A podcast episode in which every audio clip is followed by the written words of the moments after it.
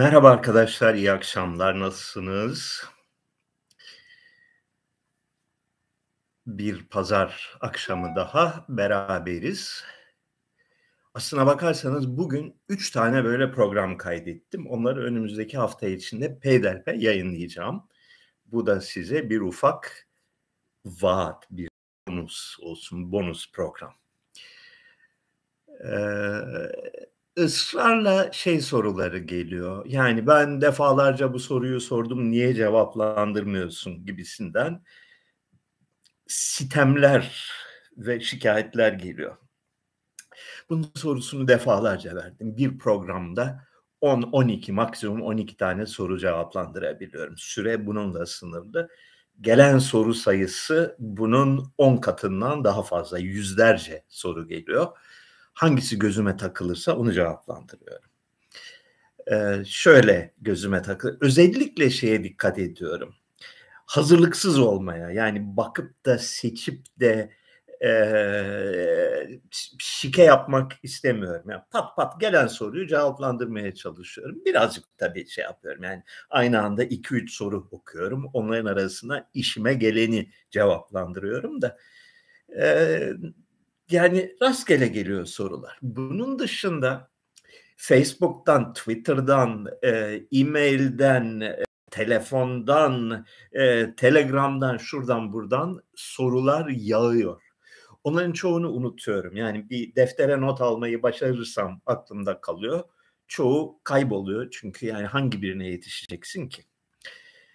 Bir iki hafta bu paralı üyelik üzerinden soru almak gibi ilkelerimize ve alışkanlıklarımıza aykırı bir iş yaptım. Ee, sonra kendimi ayıpladım nasıl bir utanmazlıktır bu ayıp bir şey diyerek. Dolayısıyla yine alıyorum. Ee, abone olmak şart. Abone olduktan sonra da 5 dakika bekliyorsunuz. Bunun da sebebi gayet bariz. Çünkü öbür türlü e, türlü çeşitli insan doluyor buraya. O da hoşumuza gitmiyor. Çünkü e, tartışmanın ve sohbetin seviyesini düşürüyorlar. Belki tesadüftür, belki değildir. Israrla bu, bu hafta içinde çok alakasız birkaç yerden hep aynı sorular geldi. Hocam Türkiye demokrasi ne zaman gelecek? E, demokrasinin geleceği var mı Türkiye'de? Dünyada demokrasinin geleceği var mı? E, bu soruya cevap vermemeye çalışıyorum. Çünkü vereceğim cevap ayıp bir cevap olacak. E, bak Şaban ne diyor gibisinden şeyler çıkacak gene. Şimdi alabildiğine nazik bir şekilde bu soruyu cevaplandırmaya çalışayım. Çünkü kafamda bir netleştirmeye çalışıyorum bazı şeyleri. Efendim, demokrasi derken insanlar birbirine zıt iki şeyi kastediyorlar. Bunun farkına ben ya 10-15 sene önce vardım ve gitgide daha netleşti. İlk başlarda böyle şey yaptım. Yani bazı fikirler vardır. Kafandan kovarsın, sinek kovar gibi. Sonra yavaş yavaş düşündükçe bunun çok radikal, çok temel, çok esaslı bir çelişki olduğu kanaatine vardım. Bir yandan demokrasi derken insan hakları kastediliyor, hukuk kastediliyor, azınlık hakları kastediliyor. Yani bir toplumda azınlık olan, mağdur olan, mazlum olan, güçsüz olan, zayıf olan kişi ve grupların, kişi ve zümrelerin haklarının eşit ve haklı bir şekilde, adil bir şekilde korunması. Hukuk devleti fikri. Yani bir ülkenin vatandaşı olan herkesin hem bireylerin hem küçük grupların, e, cemaatlerin, e, zümrelerin, sınıfların haklarının, kolektif ve bireysel haklarının güvenli bir şekilde korunması. Şimdi şunu aklınızdan çıkarmayın. Güçlünün hakkı her halükarda korunur. Güçlünün hakkını korumak diye bir dava yok ortada. Güçlü zaten güçlüdür. Zaten toplumsal normları, toplumsal kuralları belirleyendir. Önemli olan güçsüz olanın haklarının korunmasıdır. Hakların korunması ya da insan hakları derken kastettiğimiz budur. Zayıf olanın korunması. Zayıf olanın toplumun genel kurallarına, genel tanımlarına, genel kimliklerine uymayanın e sus be arkadaşım ya, sus be arkadaşım ya. Mute değil, airplane mode. Tamam. Ee, uymayanın haklarının korunması, devletin bir adil bir devletin, bir hukuk devletinin görevi güçlünün değil zayıfın haklarının da korunmasıdır. Eşit bir şekilde korunmasıdır. Yani senin rengin farklı olabilir, dilin farklı olabilir, fikirlerin ve kanaatlerin farklı olabilir. Ekonomik açıdan zayıf olabilirsin. Buna rağmen haklarının, ifade özgürlüğünün ve çıkarlarını takip etme özgürlüğünün korunması devletin e, güvencesi altındadır dediğimiz zaman orası bir hukuk devletidir sonucuna varıyoruz.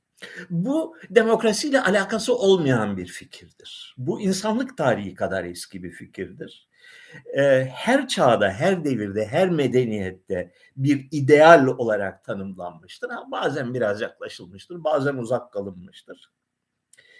Her çağda, her zaman güçlüler daha güçlü, tanımayacağımız zayıflar daha zayıftır. Önemli olan o zayıfın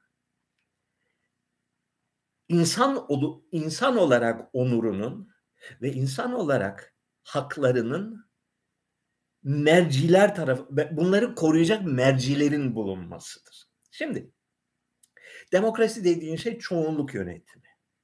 Yani demokrasi demek oyların yüzde elli artı birini alır, alan yönetir demektir. Kalabalığın sesi duyulur demektir. Kalabalığın sesi sizce e, zayıf ve mağdur ve mazlum olandan yana mı çıkar genellikle yoksa tam tersi midir? Şimdi ikisi bağdaşmaz demiyorum bakın. Yani e, demokrasi demokratik rejimde hukuk olmaz gibisinden bir sonuca atlamıyorum. Fakat bu ikisinin dinamikleri, bu ikisinin gidiş yönü farklıdır. Biri sağa çeker, biri sola çeker. Ha ikisini bir şekilde bağ, bağdaştırmak ve ortak bir amaca e, hizmet ettirmek belki mümkündür. Bazı dönemlerde mümkündür. Zaman zaman mümkündür. Ama prensip olarak farklı yöne giden iki şeyden söz ediyoruz. Biri çoğunluk yönetimi. İnsanoğlu çiğ süt emmiştir. Kalabalık olduğu zaman daha az çiğ süt emer diye bir kural yoktur. Kalabalık olduğu zaman daha beter bir canavardır bireyler canavardır. İnsanlar birbirlerine kötülük ederler. Kalabalık olup bize kimse dokunamaz duygusuna kapıldıkları zaman ben bu kalabalığın içinde kayboldum beni kimse göremez haydi yürüyün beraber bir iş yapalım dedikleri zaman çok canavarlaşabilir insanlar. Nitekim demokrasi tarihi bu eğilimin, bu yönelimin feci örnekleriyle doludur. Şimdi yeni yeni şöyle bir ayrım yapılmaya başlandı. Bir demokrasi var bir de popülizm var.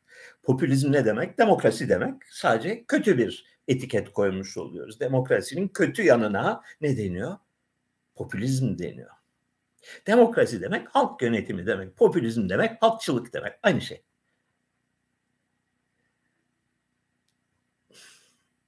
Ama insanlar ufak ufak şunun farkına varıyorlar.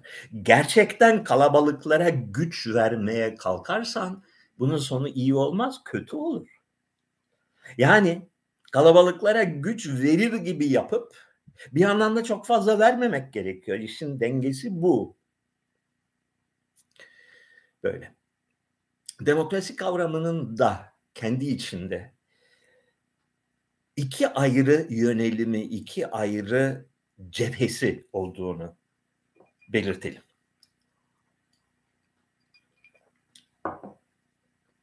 Bu fikir ilk ortaya atıldığı dönemde yani bunun demok modern demokrasi anlayışının başlangıç noktası, e, hareket noktası Fransız ihtilali ve Amerikan ihtilalidir.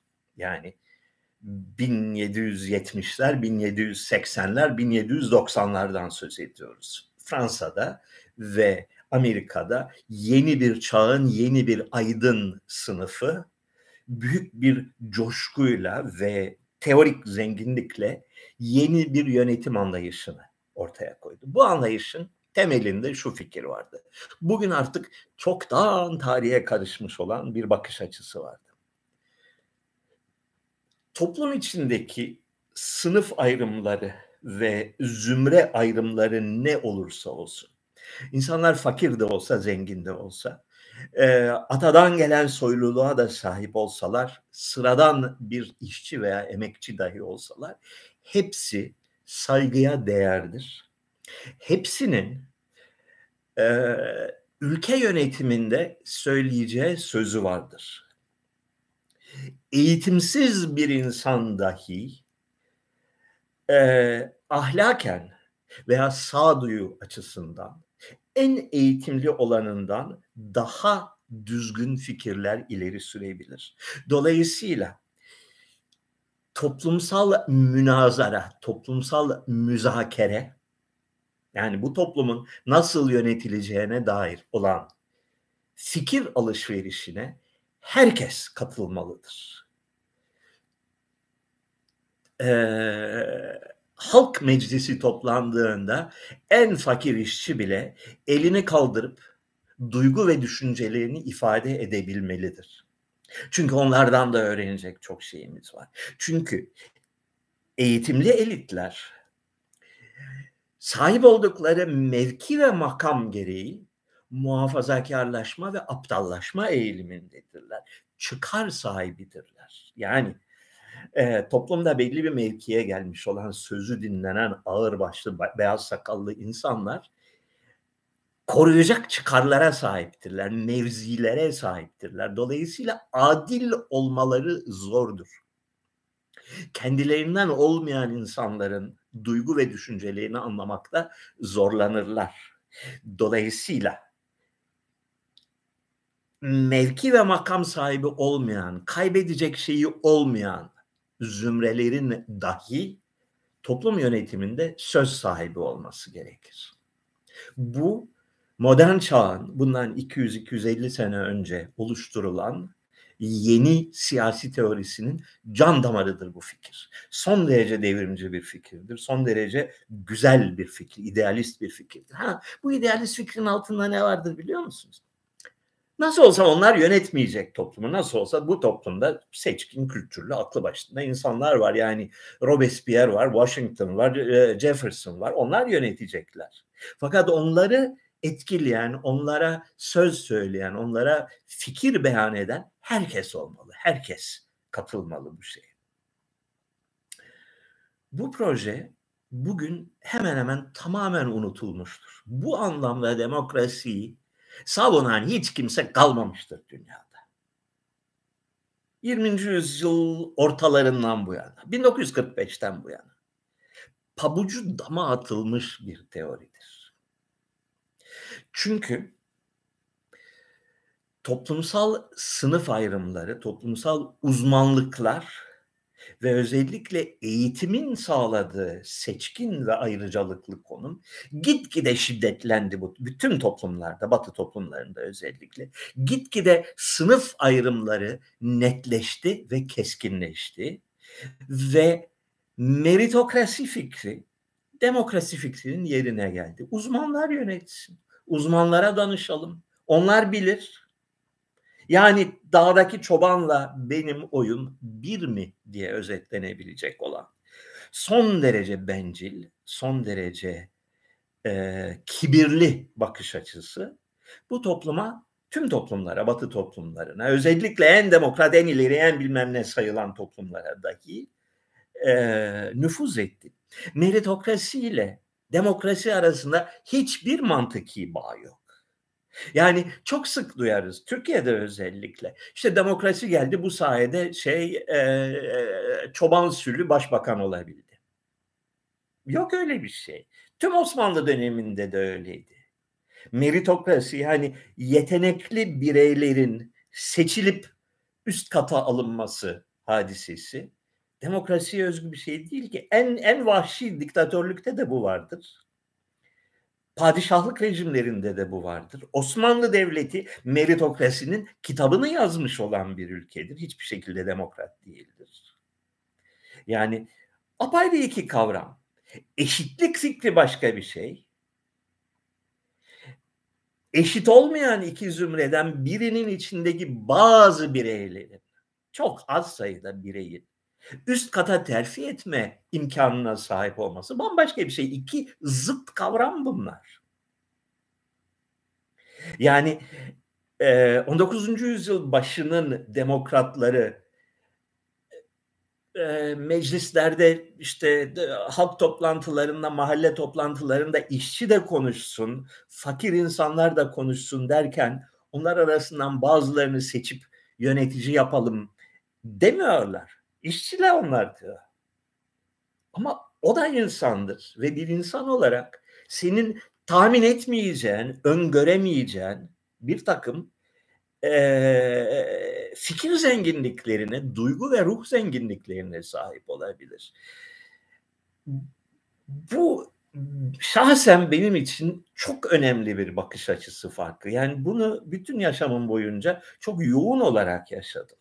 Yani çok dar bir sosyal çevre içinde kalmayıp e, işte akademik ya da yönetici bir zümre içinde kalmayıp taşraya çıktığınız zaman halkın arasına karıştığınız zaman, cezaevin koğuşunda kaldığınız zaman, köyde yaşadığınız zaman, e, çarşı esnafıyla her gün muhabbet ettiğiniz zaman gördüğünüz bir şey var. Sağduyu ve akıl ile eğitim arasında hiçbir korelasyon yok. Sıfır. Yani en eğitimsiz insanlarda çok ciddi boyutlarda sağduyu ve akıl olabiliyor, olmayabiliyor da. Ee, en eğitimli olanları da ya böyle tın tın angut olabiliyor. Ya da e, insan denilen mahlukun karmaşık ihtiyaç ve e, ruh hallerini anlamaktan aciz oluyor. Çok tipik bir şey bir hadise bu. Bu anlamda demokrasinin çağı çoktan kapandı. 70 yıl önce kapandı. Yavaş yavaş sıkıştı ve 70 yıl önce kapandı.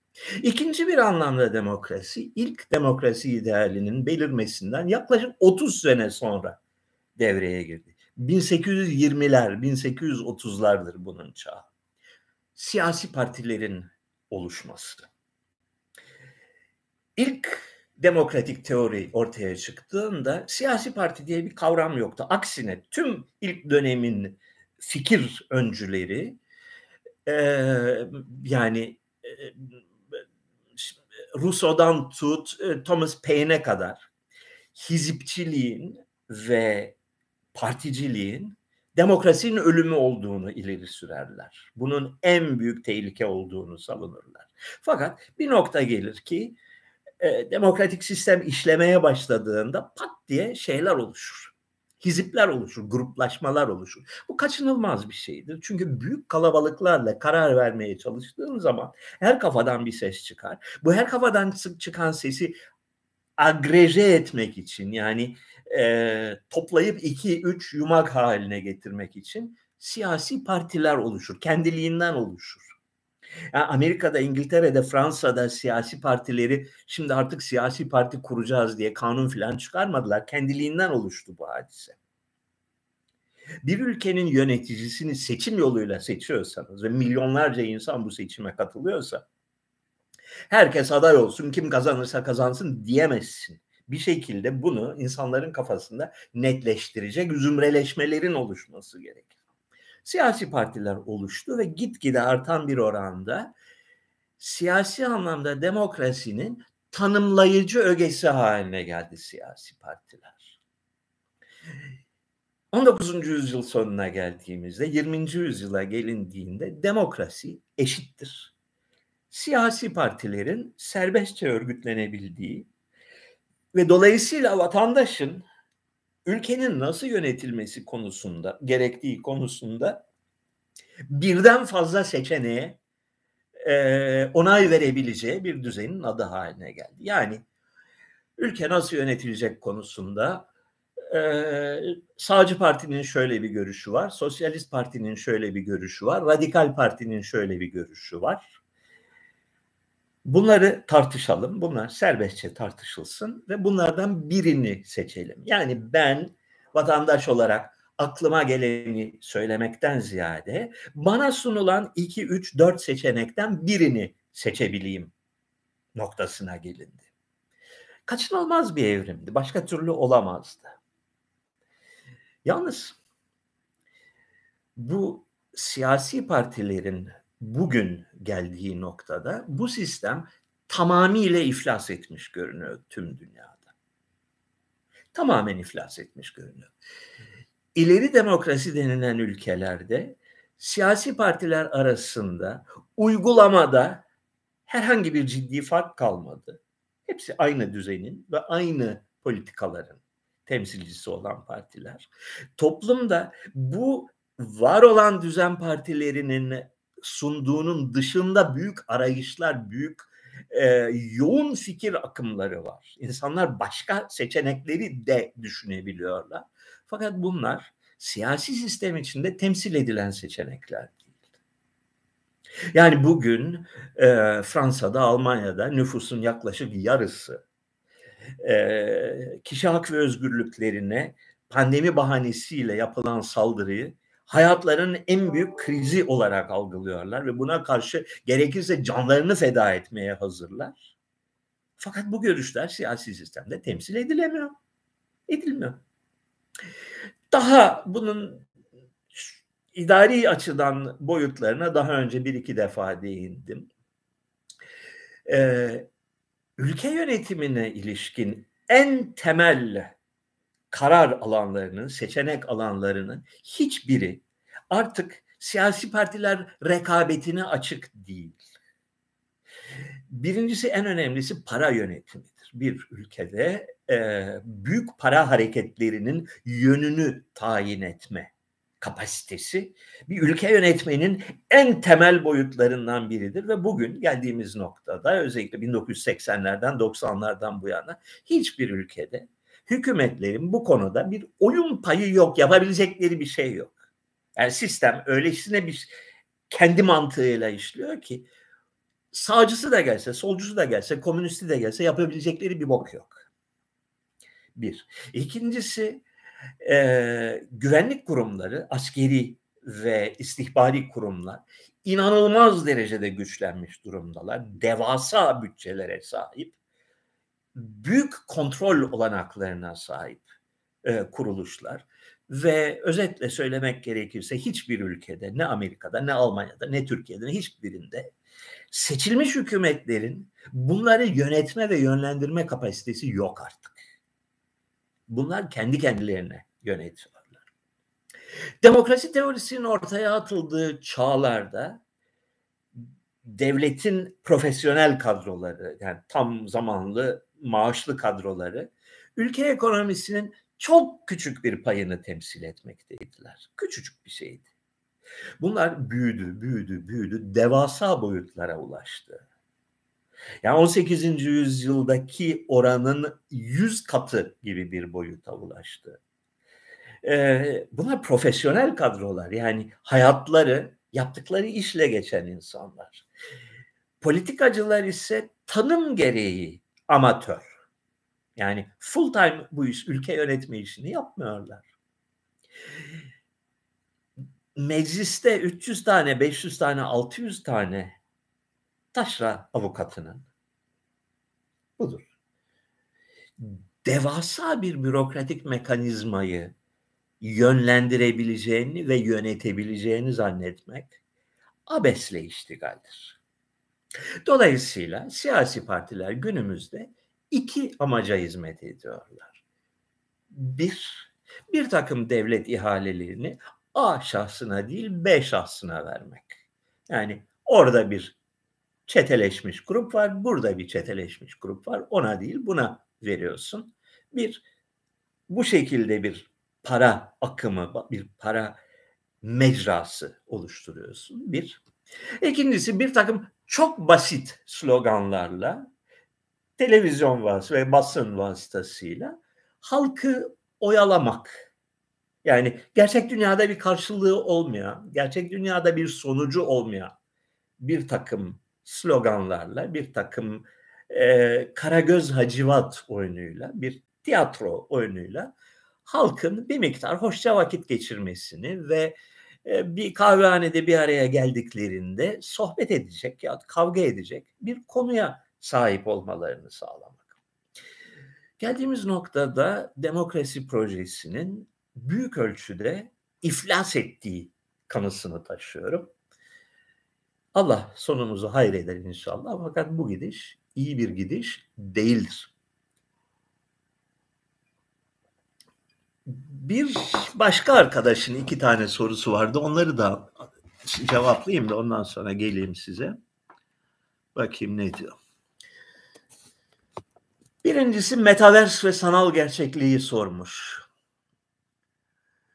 Mars e, yeterince gelişmiş sanal ve artırılmış gerçekçilik e, gerçeklik teknolojileri sayesinde Mars veya uzayın başka bir yerinde yaşam zevkli hale getirilebilir demiş.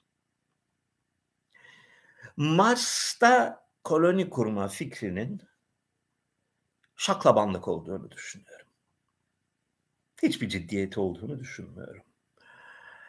Ee, yani Mars'ta koloni kuruncaya kadar dünyada tonla çöl var. Bir sürü çöl var. Orada kur. Orada kuracağını. Önce, önce orada kur en azından. Yani Sahra çölünde bir yere kur kolonini bakalım orada yürüyor mu? En azından dışarı çıktığın zaman hava temiz. Mars'ta hava da yok. Yahut okyanusun dibinde kur. Eğer o kadar öyle bir teknolojin varsa ve buna gönüllü insanlar varsa. Ee, sanal gerçeklikle insanlar yaşayabiliyorsa çok güzel. Yani hepsini bir morgda bir çekmeceye koy. Bir tane de boru bağla ki nefes alsınlar ve yemek e, midelerine girsin. Sanal gerçeklikte sersemler gibi dolaşsınlar. Yani bu insanlık için bir ideal değildir, bir hedef değildir. Ve ikincisi daha önemlisi, daha en temel hadise. İnsanlığın varoluşuna ilişkin bu denli önemli, temel, uzun vadeli, gelecek kuşakların hayatını temelden etkileyecek olan kararları amacı kar etmek olan yani mal satıp ciklet satıp para kazanmak olan bir takım kuruluşlara terk etmek nasıl bir aymazlıktır? Nasıl bir çılgınlıktır? Bunu biraz üstünde düşünürsen tüylerinin diken diken olmaması mümkün değildir. Yani Mars'ta koloni kuracağız, insanları oraya göndereceğiz diyor. Kim bunu diyen? Tek amacı, hukuken tanımlanmış olan tek amacı yani yegane, kanunen geçerli faaliyet alanı ortaklarının, yatırımcılarının, hissedarlarının kar beklentisini arttırmaktan ibaret olan bir bezirgan. Böyle bir saçmalık olabilir mi? Böyle bir aymazlık insan tarihinin, insanlık tarihinin hangi aşamasında toplumun başına gelmiştir? Bu soruyu sormak lazım. İkincisi e, e, haber organlarından, haber bültenlerinden kötü kötü e, yakılmış. Sabahın köründe cinayet haberleri, bıçaklama, tecavüz haberleri, gasp haberleri vesaire, kadın cinayeti, hırsızlık vesaire. İnsanlar güne böyle başlatıyorlar. Sizce bu habercilik yaklaşımı sadece reyting kaygısına mı dayalı yoksa toplum psikolojisini olumsuz yönde etkileme amaçlı kasıtlı bir toplum mühendisliği görüyor musunuz? İkisini de görmüyorum. Yani rating de işin çok yüzeysel bir yönü. Hele toplumsal mühendislik olduğunu hiç düşünmüyorum. İnsan davranışlarının en güçlü motoru taklittir. İnsanlar birbirlerini taklit ederler. Diğer yayın organları, medya ne yapıyor bakarım. Onlar ne yapıyorsa ben de onların yaptığını yaparım. Bu e, böyle Lavoisier kanunu gibi bir doğa kanunu. Enerjinin tasarrufu kanunu. Çünkü dünya muammalarla dolu bir yer ve bunların her birini orijinal olarak kendi aklımla ve kendi vicdanımla tartmaya kalksam kafayı yerim. O yüzden kestirme yoldan benim kendime ait hissettiğim, ait olmayı arzu ettiğim çevre, zümreler ne yapıyorsa ben de onu yaparım. Bu o kadar daha basit bir şekilde açıklıyor ki dünyadaki saçmalıkların yüzde 99 buçuğunu. O açıdan bakmak bana daha iyi geliyor. Şimdi Forward Kamaz adlı arkadaşımız ki bir yeşil olarak çıktığına göre adı bir Nişanyan dostu payesine ulaşmış bir arkadaş. Van'da Aranik köyünde eskiden Ermeni yerleşimi olan bir köyde bir takım civar köylerde bir takım kalıntılar var. Sizce bu kalıntıları turizme katabilir miyim? Mesela İncil turizmi. Bre arkadaşım, turist dediğin adam budala mı? Akılsız mı? Manyak mıdır? Gidip Van'ın dağlarında bir takım kuş uçmaz, kervan geçmez yerlerdeki 100 seneden beri yağmalana yağmalana geriye hiçbir şey kalmamış siktirikten 3 tane taş parçasını görmek için gelir mi? Niye gelsin? Manyak mı bu adam? Ha. 3-5 tane manyak vardır. Ben mesela giderim bu ya böyle yerlere. Ararım bulurum. Ee, kökeni oradan olan özellikle Ermeniler arasında da böyle şeylere merak, böyle şeyleri gö- duygusal bir e, görme isteği her zaman vardır. Yalnız bu tür insanlar gidip oraya para bırakmaz. Yani gider en en kabadayısı bir çay içer. Ya da bir esnaf lokantasında kuru fasulye pilav yer. Onun dışında yani bunlar bilinçli insanlar. Bunlar ayrıcalıklı ve seçkin zevkleri olan insanlar. Avrupa'nın koyunu değil ki gidip plaj sunasın, orada bir hafta gidip sırt üstü yatsın, domuzlar gibi yesin, bira içsin. Onun için bu hayalden vazgeç. Ve unutma ki o gördüğün taşlar senin için ve senin ailen ve çevren için birer derin bir utanç vesilesidir. O utancı paraya dönüştürmeye çalışmak çok güzel bir şey değil. Şimdi Van'da kurmayı planladığınız köy fikrinden biraz bahseder misiniz demiş. Bak bunu daha büyük bir zevkle bahsedeceğim. 2010 2011'di. 2010'du. Ee, Van tarafından bir takım talepler gelmeye başladı. Bu arkadaşımızın bakış açısından. Burada bir tatil köyü kuralım e, zengin Ermeniler gelsinler burada tatil yapsınlar Van Gölü. Van Gölü'nün plajları şahanedir e, gibisinden. Ve bu bir şekilde bunun ucu bana dokundu. Yani İstanbul'daki Ermeni cemaatine bir takım öneriler götürmüşler. Onlar da bu iş olsa olsa bu sevan manyağı yapar. Bir ona soralım demişler. Bana geldiler. Ben atladım gittim Van'a birçok insanla görüştüm. Belediye başkanı, ticaret odası başkanı, ileri gelenler vesaire. Ve onlara şunu anlattım. Bu dediğiniz olacak iş değil. Yani Ermeni'nin yatırımcısı, paralısı gelip de buraya yatırım yapmaz. Başka bir şey yapalım. Tatil köyü değil, gerçek bir köy kuralım.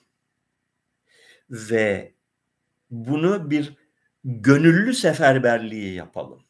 Yani e, tüm dünyadan ve Türkiye'den gerek Ermeni gerek Türk ve Kürt e, genç insanlar gelsinler.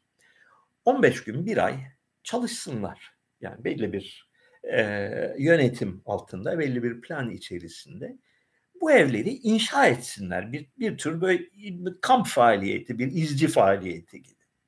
Ve burada 100 yıl önce köyler nasıl yapılıyor idiyse ki böyle düz damlı alçak evlerdir. Sıra sıra bir kademe kademe yükselir.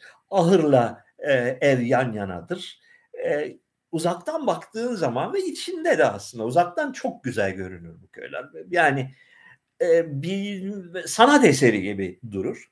İçine girdiğin zaman eğer e, şehirli hijyen anlayışına çok fazla saplantılı değilsen çok da keyiflidir. Çünkü duvarları kalındır ve bu evlerin toprak damlı ve kalın duvarlı evlerin içi tahmin etmeyeceğiniz kadar konforludur, rahat bir duyguya sahiptir. Yani apartman gibi değil, titreşimler olmadığı için orada böyle kendini huzurlu hissedersin.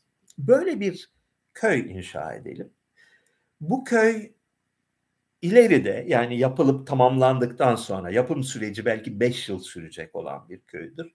Tamamlandıktan sonra hem bir gençlik turizmi için odak noktası olur. Yani e, dış dünyadan özellikle Ermeniler çünkü orası Ermeni toprağı yani 19. yüzyılda bütün o Gevaş Mevaş tarafı Van Gölü'nün güney sahili komple e, Ermeni yerleşimleridir ve pek çoğu insanın dünyada bununla bir duygusal bağı vardır hala. Onlar gelir gençlerini özellikle gönderirler.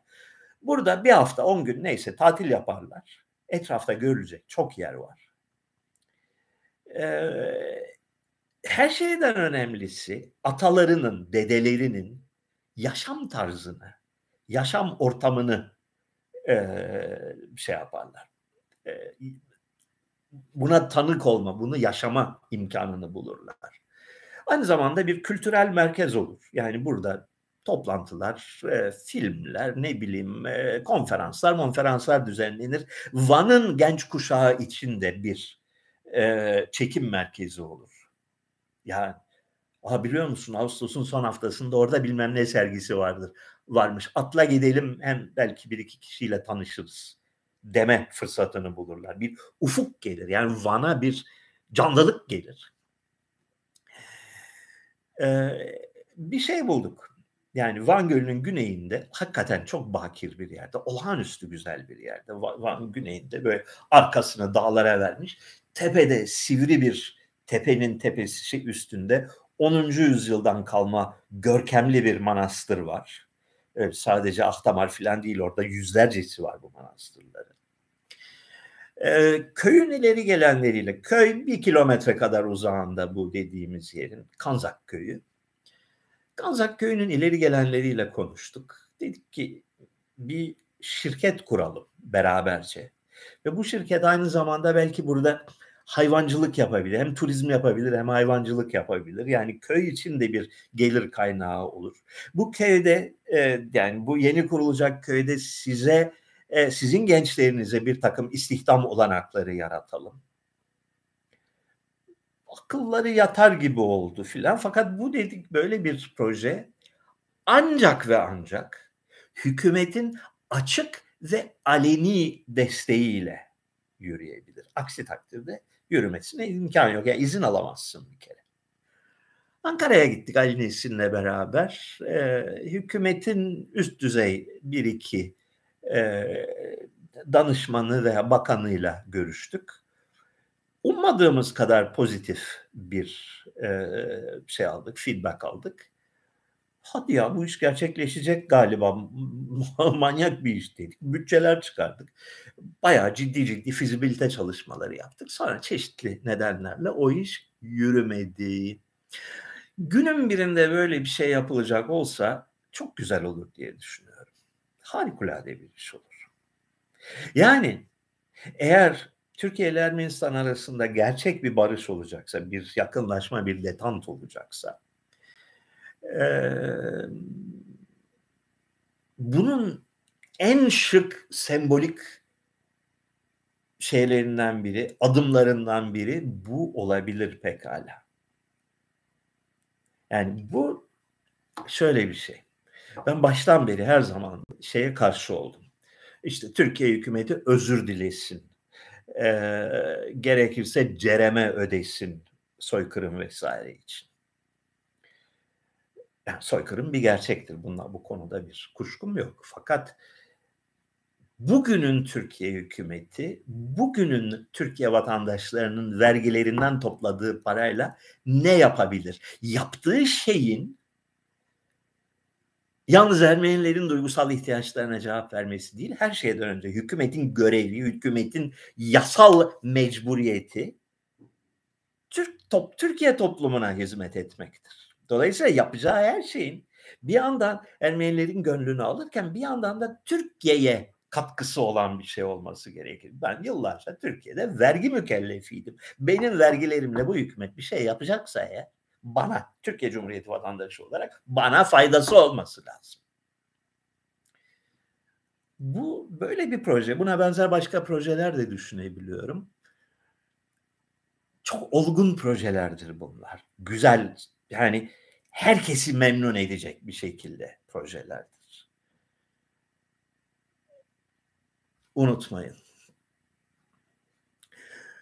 Başka bir soru geldi. Yani kusura bakmayın buradaki soru bir şeyden öbür taraftaki sorulara da bakıyorum. Ee,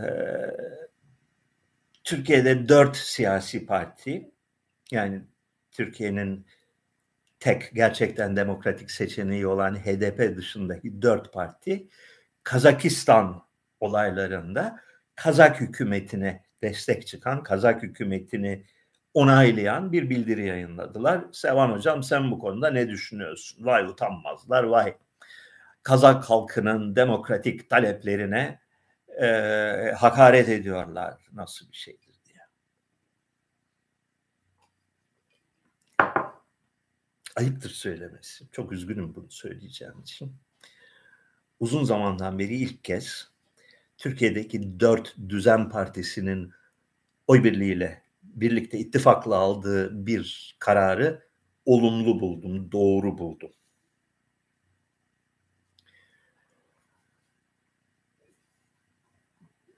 Duran saat bile bazen doğru saat gösterebiliyor. Şu Kazakistan'daki halkın durumu nedir bilmiyorum. Kazakistan'daki siyasi cereyanlar nedir bilmiyorum. Ee, yani baktığın zaman Nazarbayev sülalesinin orada oluşturmuş olduğu padişahlık rejiminin iler tutar bir tarafı yok. Savunulacak bir tarafı da yok. Bunun büyük bir yolsuzluk ve yozlukla iç içe geçtiği de apaçık ortada. Yalnız şu gerçeği unutmayın. Bir yani şaşmaz bir şeydir dünya mainstream ana akım medyasının özellikle Rusya ilgilendiren netameli bir konuda aldığı her tavrın zıddı doğrudur. Hiç şaşmaz. İnanılmaz bir vahşetle ve saldırganlıkla Rusya'nın belini kırmaya çalışıyorlar. Amerikan savaş sanayinin savaşa ihtiyacı var. Satın her yıl satın aldıkları 750 milyar dolarlık bomba ve mühimmatı bir yerde patlatmaları lazım. Harcamaları lazım ki varlıklarını ve gelirlerini haklı gösterebilsinler. Afganistan'a girdiler 20 sene yerle bir ettiler o zavallı ülkeyi. Amaç neydi? Amaç ben size söyleyeyim para harcamaktı. Başka hiçbir şey değildi. Amerikan şeyinden e, ahalisinden toplanan parayı belli ceplere aktarmaktı. Bundan başka bir amacı yoktu. Irak keza öyleydi. Suriye keza öyle. Şimdi kaşınıyorlar. Daha büyük savaşı istiyorlar. Rusya ekonomik açıdan, askeri açıdan nispeten zayıf. Tam fırsatıdır. Belini kırmak lazım diyorlar. Rusya ise diyor ki iki tane temel tez iddia ediyor Putin ve her ikisinde yüzde yüz haklı. Birincisi Sovyetlerin parçalanması insanlık açısından bir kayıptı, zayıftı. Sovyetlerin iyi bir şey olması değil. Sovyetlerin birçok sıkıntısı vardı. Sovyetlerin bütün Sovyet halkları bir şekilde o baskıyı üstlerinden atmak için mücadele verdiler. Fakat 15 tane benzemez ülkenin, 15 tane benzemez halkın ortak bir ekonomi, ortak bir kültür, ortak bir medeniyet çerçevesinde birleşmesi. Özellikle Orta Asya Türkleri gibi yüzlerce yıldan beri dünyanın başına bela olmuş bir takım toplumların medeniyet çerçevesi içine alınmaları. Kafkasya gibi yüzlerce yıldan beri birbirlerini boğazlamış bir takım kıytırık ülke halklarının bir barış ve medeniyet zümresi içine alınmaları iyi bir şeydi. Ve bunun parçalanması kötü olmuştu. Fakat her şeyden önce şunu diyor.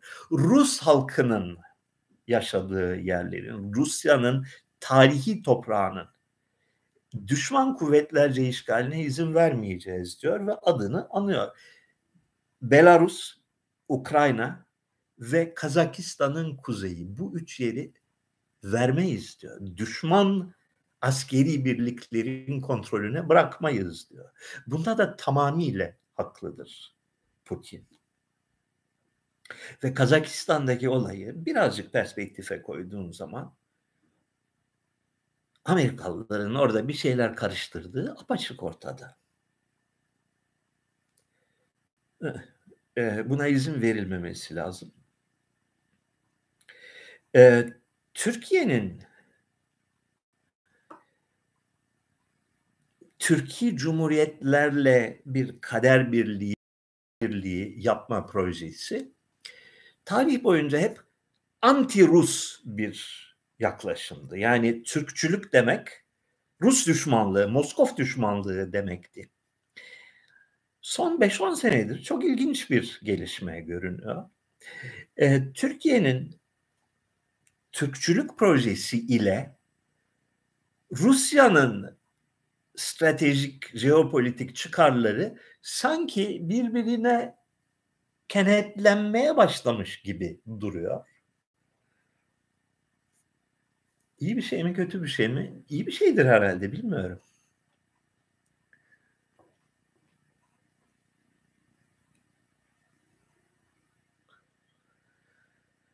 Başka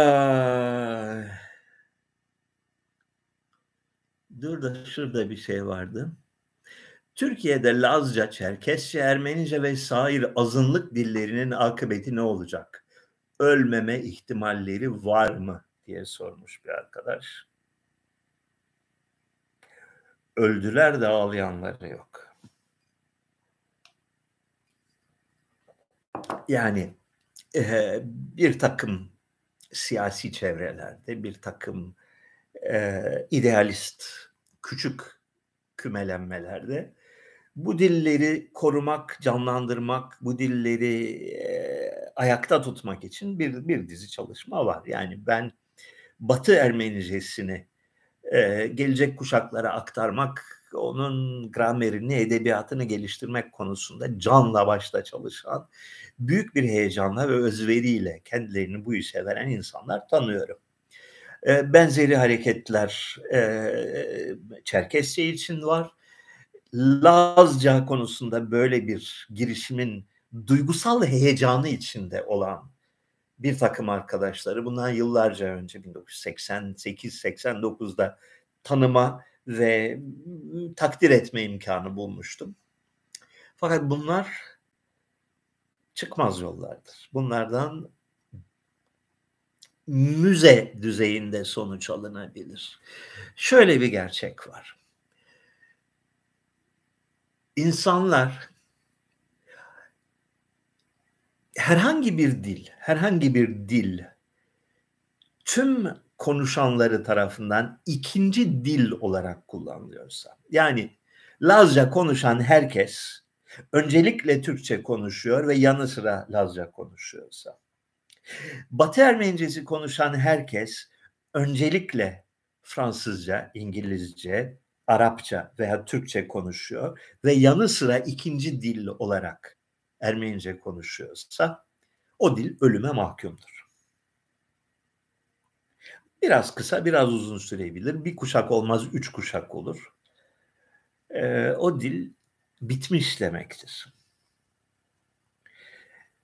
Yani çok bariz bir gerçek var. Türkiye'deki Ermenilerin tümü kusursuz Türkçe konuşur yanı sıra az veya çok kusurlu Ermenice konuşur. Aralarında Ermenice ciddi bir eğitim yani lise ve üstü eğitim almış olanlar parmakla gösterilecek kadar azdır.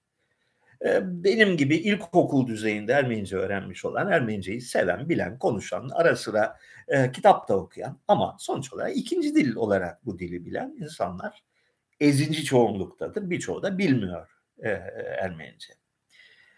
Aynı şekilde Arap ülkelerindeki Ermenilerin hepsi de kaç tanesiyle tanıştıysam kendi aralarında rahat bir ortamda Arapça konuşuyorlar.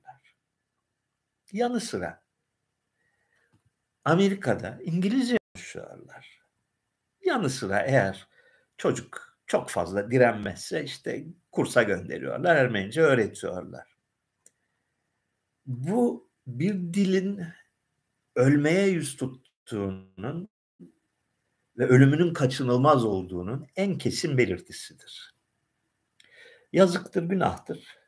Yani e, Batı Ermenicesi zengin bir edebiyat doğurmuş bir dildir. Yani 19. yüzyıl sonunda 20. yüzyıl başında tonlarca literatür üretmiş, basın, e, yayın hayatı, e, çeviriler, romanlar, öyküler, şiirler üretmiş bir dildir. Güzel bir dildir. Zengin bir dildir. E, Çerkesçe ve Lazca'da yani bunların soyunun tükenmesi güzel bir şey olmaz. Ama bir de hayatta bazı gerçekler var ve bu gerçeklerle yüzleşmenin faydası var. Türkiye'de şu anda mevcut olan diller arasında Türkçe dışında herhangi bir istikbali olan, herhangi bir kalıcılığı olan diller bir Kürtçe, iki belki Arapçadır. Arapça çünkü Türkiye'de küçük bir azınlıktır gerçi ama arkalarında sınırın öbür tarafında kocaman bir Arap dünyası var. Yani oraya gidip eğitim alabiliyorlar, oradan gelen kitapları okuyabiliyorlar, onların radyosunu dinleyebiliyorlar. Ee, Kürtçe ise sayısal çoğunluk itibariyle bastırılamayacak, ortadan kalkamayacak. Ortadan kalkması şimdilik önümüzdeki kuşaklar boyunca söz konusu olmayan bir kültür varlığıdır. Hayatın gerçekleri bunlar.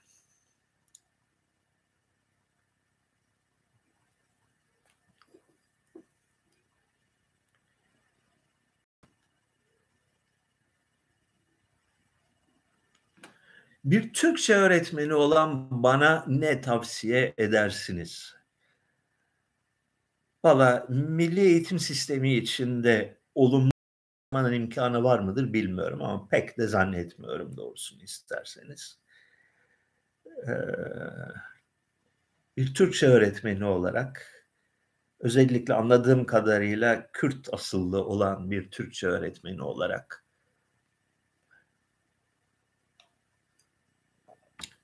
güzel kitaplar okudu. Yani okul yapabileceğin okul adı üstünde oku, oku demektir okul e, en kalıcı ve en düzgün ve en doğru iş okumayı ve yazmayı öğretmektir. Okuduğunu anlamayı yani bir metni tercihen uzunca bir metni okumak, sabırla sonuna kadar okumak ve ertesi gün sınıfta o metin hakkında derli toplu birkaç söz söyleyebilmek. Bu kitap neyi anlatıyor? Bu kitapta neyi beğendim? Bu kitapta hangi fikirler bana ilginç geldi, hangilerini beğenmedim, beni neler rahatsız etti. Bunları derli toplu bir şekilde sözlü olarak ifade edebilmek ee, bu bir okulda bir Türkçe öğretmeninin öğretebileceği en değerli hatta tek değerli şeydir. Okuma ve yazma öğretmek okuduğunu anlamak, okuma disiplinine sahip olmak ve kendini e, bir mektupta, bir makalede, bir sosyal medya paylaşımında düzgün bir şekilde ifade etmeyi öğrenmek. Budur bir Türkçe öğretmeninin görevi. Bu görevi yapabilen kaç kişi var? Yüz kişi de yarım kişi belki. Milli Eğitim Bakanlığı'nın deli gömleğini giy- giymiş bir kurumda başka türlü olabilir mi? Çok uzağım doğrusunu isterseniz. Yani koşullar nedir bilemeyeceğim. Teletabilerin Türklüğü konusunda düşünceleriniz neler? Bazı kaynaklarda Kıpçak kökenli oldukları söyleniyor. Siz ne dersiniz? Şimdi Sümerler Türktür biliyorsunuz. Etrüskler Türktür. Amerika Kızılderilileri, daha doğrusu Amerika yerlisi olan bugün bildiğimiz 300 civarında farklı dil ailesinin her biri Türktür. E onlar, Japonlar Türktür. Koreliler Türktür. Onlar Türkse, teletabiler haydi haydi Türktür. Yani bunun aksini iddia eden kim olabilir bilmiyorum.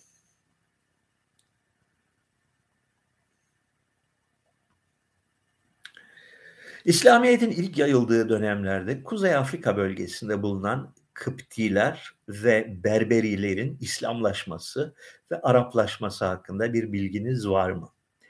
Mısır hakkında biraz var. E, Mağrip hakkında yani Batı Kuzey Afrika hakkında çok az bilgim var. Yani çok dünyanın en az bildiğim bölgelerinden biri orası.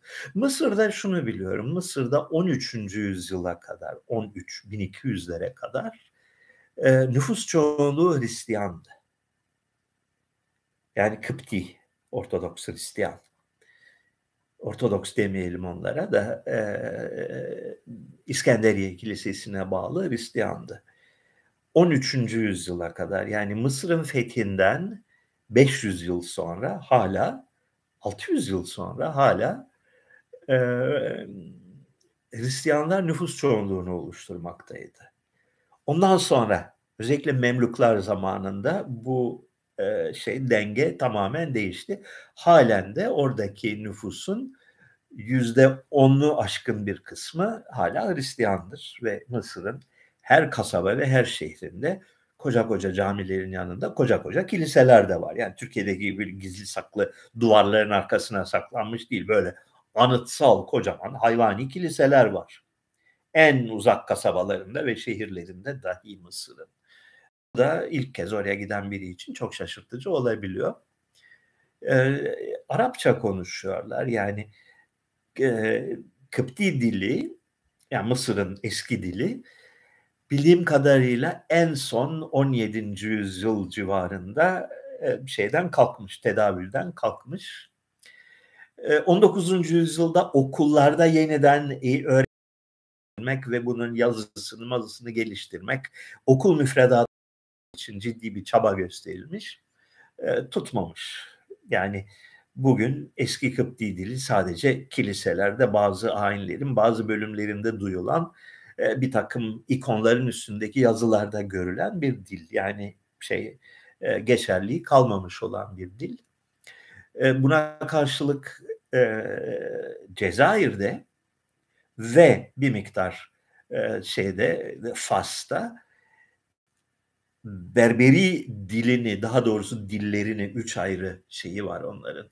E, Tamazikt dilini konuşan çok ciddi bir e, büyüklükte bir nüfus payı var. E, yani Cezayir'in üçte biri gibi bir kısmında Arapça değil Tamazik dili egemendir. Ve tahminlerinizin aksine genellikle Berberiler daha Avrupa'yı olan, daha modern hayata e, ayak uydurmuş olan, daha Fransız kültürüyle haşır neşir olan bir zümre.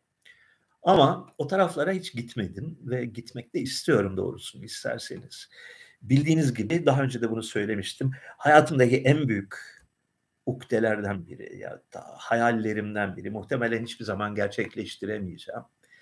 Gidip Marrakeş'in meydanında birkaç ay dilencilik yapmak istiyorum.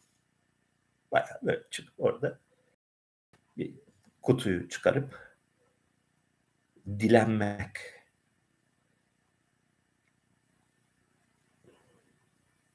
Bunu yapamıyorsam eğer zayıf bir insanım ben. Yani böyle güç gösterileri filan palavra, boş. Yapamıyorum. Çünkü bir takım insanlar bunu pekala yapıyor orada. Ben niye yapamayayım? Onlar yapabiliyorsa ben niye yapamıyorum? Önemli bir soru ve yıllardan beri aklımı kurcalayan bir soru.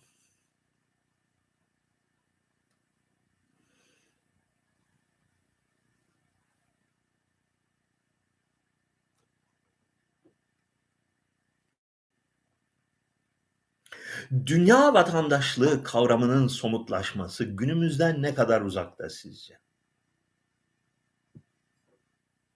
Dünya vatandaşlığı olması için önce dünya polisinin kurulması lazım. Çünkü vatandaş olmak demek taşaklarını polisin, vergi dairesinin ve eğitim sisteminin eline vermek demektir. O zaman vatandaş olursun. Vatandaş demek bu demek.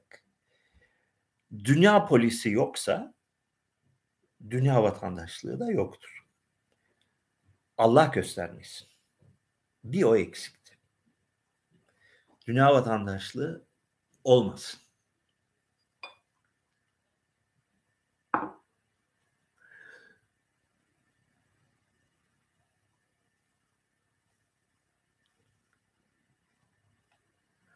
Hocam İsa'yı peygamber olarak kabul etmiyorsanız ona atfedilen mucizeleri, Meryem'in bakire oluşunu nasıl izah ediyorsunuz? Bunlar uydurma ise bu süreç nasıl gelişti? Hiçbir Hristiyan İsa'yı peygamber olarak kabul etmez. İsa'yı peygamber sayan bir takım marjinal protestan mezhepleri var. Bunun dışında gerek Katolik, gerek Ortodoks, gerek Ermeni ve Süryani ve gerekse başlı belli başlı yani kurumsal e, protestan mezheplerinin tümü İsa'yı Tanrı'nın oğlu olarak kabul eder. Allah kavramının cüzlerinden biri olarak görür. Peygamber olarak İsa'nın nitelendirilmesi İsa'nın ve dolayısıyla Hristiyan inancının şiddetle aşağılanması anlamına gelir. Bir kere bunu aklınızdan çıkarmayın. Mucizeler ise insanların sevdiği bir anlatı türüdür, bir narratif türüdür.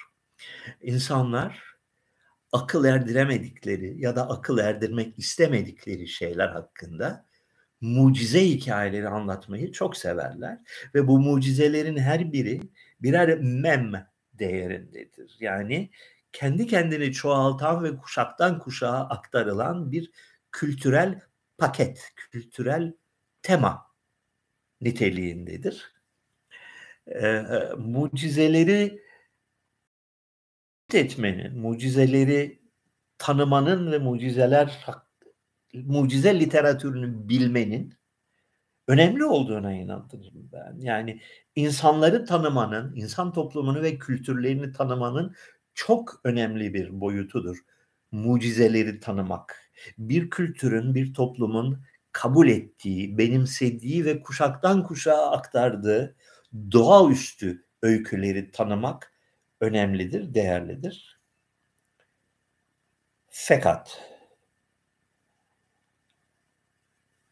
bugüne kadar doğa üstünün var olduğuna ya da dünyada ve insan yaşamında etkili olduğuna dair inandırıcı bir tane bile kanıt ben şahsen görmedim.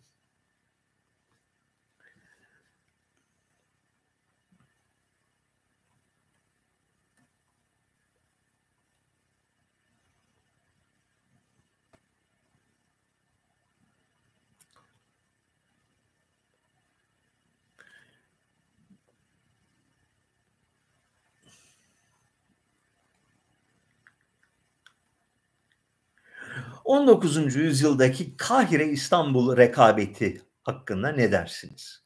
Özellikle modernleşme bağlamında bana literatürde yeterince işlenmemiş gibi geliyor. Türkiye'de dönem İslam tarihi e, konusunda e, çok bilinen, tanınan ve üstünde durulmuş olan bir konudur.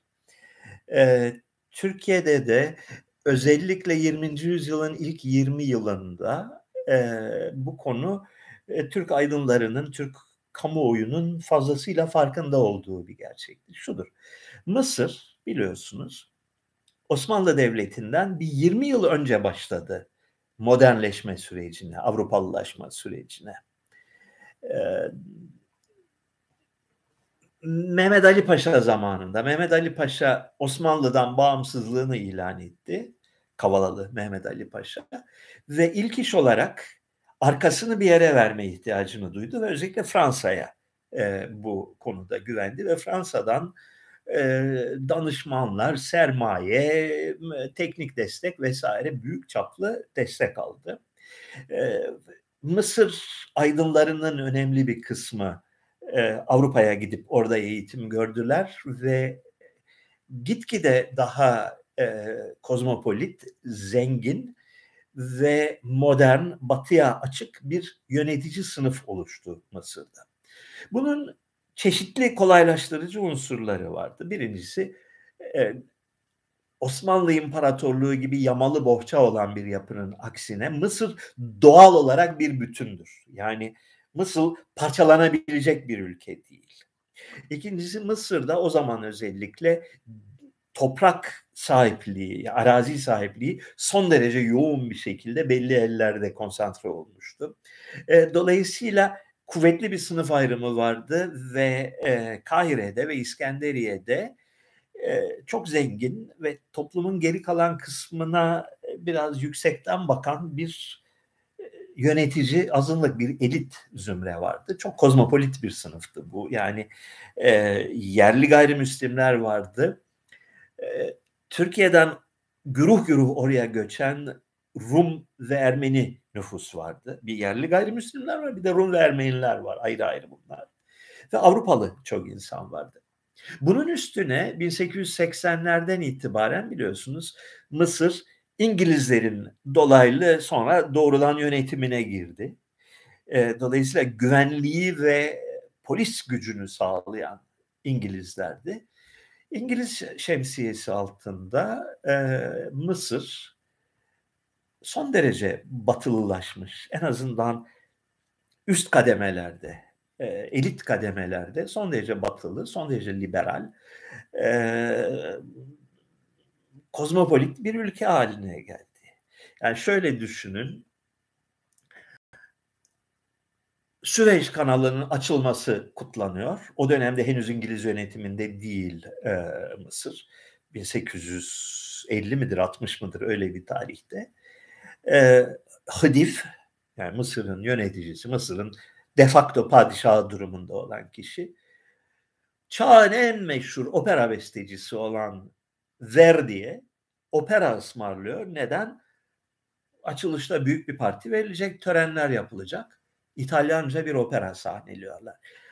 Osmanlı'da kozmopolitleşme yönünde büyük adımlar attı ama bu kadar büyük bir adım hiçbir zaman atmadı. e, şey zamanında Abdülhamit zamanında e, şu ya da bu nedenle Türkiye yaşanma Türkiye'yi yaşanmaz bulup yurt dışına kaçan aydın kültürlü zümrenin önemli bir kısmı yarısı Avrupa'ya gitti, yarısı Mısır'a gitti. Ahmet Muhtar Paşa gibi devletin önde gelen askeri komutanlarından biri olup e, şeye e, Abdülhamid'e ters düşen ve dolayısıyla oğluyla sülalesiyle birlikte yurt dışına gitmek zorunda olan biri 30 sene Mısır'da yaşadı. Ali Kemal gibi bir batılılaşmacı, liberal devrimci Türkiye'den kaçmak zorunda oldu, e, kaldığında Mısır'a gitti ve orada öğretmenlik işi buldu. Orada bir İngiliz bir hatun bulup onunla evlendi ki bunun e, uzantısı bugün Boris Johnson olarak karşımıza çıkıyor. E, ideolojik düzeyde, fikir düzeyinde dininin yeni yorumlarını araştırma düzleminde Mısır her zaman Osmanlı'dan bir adım önde olmuştur. Karmaşık bir dinamiktir. Çünkü Mısır her zaman İstanbul'a e, şey bakar, e, saygı ve hayranlıkla bakar. Fakat batılılaşma konusunda Mısır İstanbul'dan bir adım önde gitmiştir. Yani bunun mesela küçük bir sembolik örneğini aramak isterseniz şeye gidin. Bir Kanlıca'da Hadiv Kasrı var. Şimdi bir belediyeye ait bir mesire yeri. Bir de e, Bebek'te şimdi Mısır Başkonsolosluğu olan eski Ayşe Sultan şeyi Ayşe Sultan mıdır? Ayşe Sultan e, yalısı var. Bu her ikisi kendi çağlarında yani 1900'lı yıllarda Avrupa'daki son mimari yeniliklerin yani e, Art denilen 1900'larda e, büyük e, rağbet gören modernist akımın İstanbul'daki en çarpıcı iki örneğidir bunlar. Mısırlı gelmiş İstanbul'da siz kardeşim geri kalmışsınız deyip Avrupa'daki son akım bunlardır deyip iki tane mücevher niteliğinde çok iddialı, çok görkemli iki tane saray yaptırmış. Yani Mısır'la Osmanlı'nın 1900'lı yıllardaki nispi dengelerini değerlendirmek açısından bu önemli bir belirti.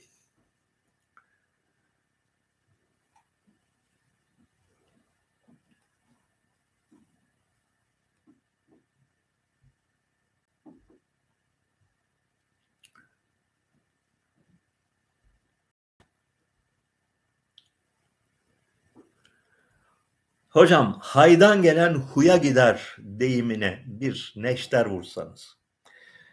Bundan yıllarca önce 2009 yılında gazetede bu, bu konudaki tartışmaya bayağı bulaşma ihtiyacı ihtimal şeyi e, gereği olmuştu. Ve o vesileyle yani gelen çeşitli itirazlara ve saldırılara karşı olayı ciddi bir şekilde araştırma e, ihtiyacını duymuştum. Birincisi e, hay ve hu şeyde tasavvufta Allah'ın iki tane sıfatıdır. Bir şekilde zannediyorum ben Abdülbaki Gölpınarlı'ya kadar gidebildim. Abdülbaki Gölpınarlı bir makalesinde haydan gelen huya gider e, deyimini bu tabirlere bağlamamış da olabilir gibisinden bir şey söylemiş. Yani insanlar boş bulunup neler söylüyorlar hayatlarında. Herkes, hepimizde. Tamamen saçmadır. Hiçbir alakası yoktur. Anlam olarak da bir şeyi yoktur. Anlam olarak haydan gelen huya gider demek e, haksız ve emeksiz kazanç hayır getirmez demektir. Deyimin anlamı bu. Bunun Allah'ın iki tane esoterik sıfatıyla ne alakası olabilir Allah aşkına? Yani saçmalamayın. İkincisi bu inat bizim Ermenilerden çıkan bir e, yorum var. Hay demek Ermenice de Ermeni demek. Hun demek Rum demek. Ermeniden gelen Rum'a gider anlamında. Boş laf. Espri bunu. Bu şaka bu başka bir şey değil. Hayhuy kelimesi deyim olarak e, Türkçe'de bilinen en eski zamanlardan beri kullanılan bir şey. Yani e, Evliya Çelebi'nin metninde beş sayfada bir mutlaka hayhuy geçer. Hayhuy demek biliyorsunuz ne demek. E, kargaşa, gürültü, arbede demek hayhuy. Arbededen gelen arbedeye gider anlamında. Haydan gelen huya gider. Son derece basit, son derece net, kolay anlaşılır bir deyim. Bu varken saçma sapan teorilere saplanmanın anlamı yok. Haydan gelen huya gider bir tasavvuf deyimi değil. Haydan gelen huya gider, gider e, Osmanlı'daki veya Türkiye'deki azınlıkların uğradığı haksızlıklarla ilgili bir deyim de değil. Kargaşadan, karambolden gelen karambole gider demektir. Çünkü Türkçe'de hayhuy tabiri karambol anlamına gelir. Yes. bir saat 14 dakika sizlere iyi akşamlar diliyorum. Ee, hafta içinde daha önce dediğim gibi şu arkamda gördüğünüz kitaplarla ilgili sistemli bir tarama şeyi yaptım. Bir değil iki program oldu. Onları da size e, yayınlayacağım. Allah'a ısmarladık.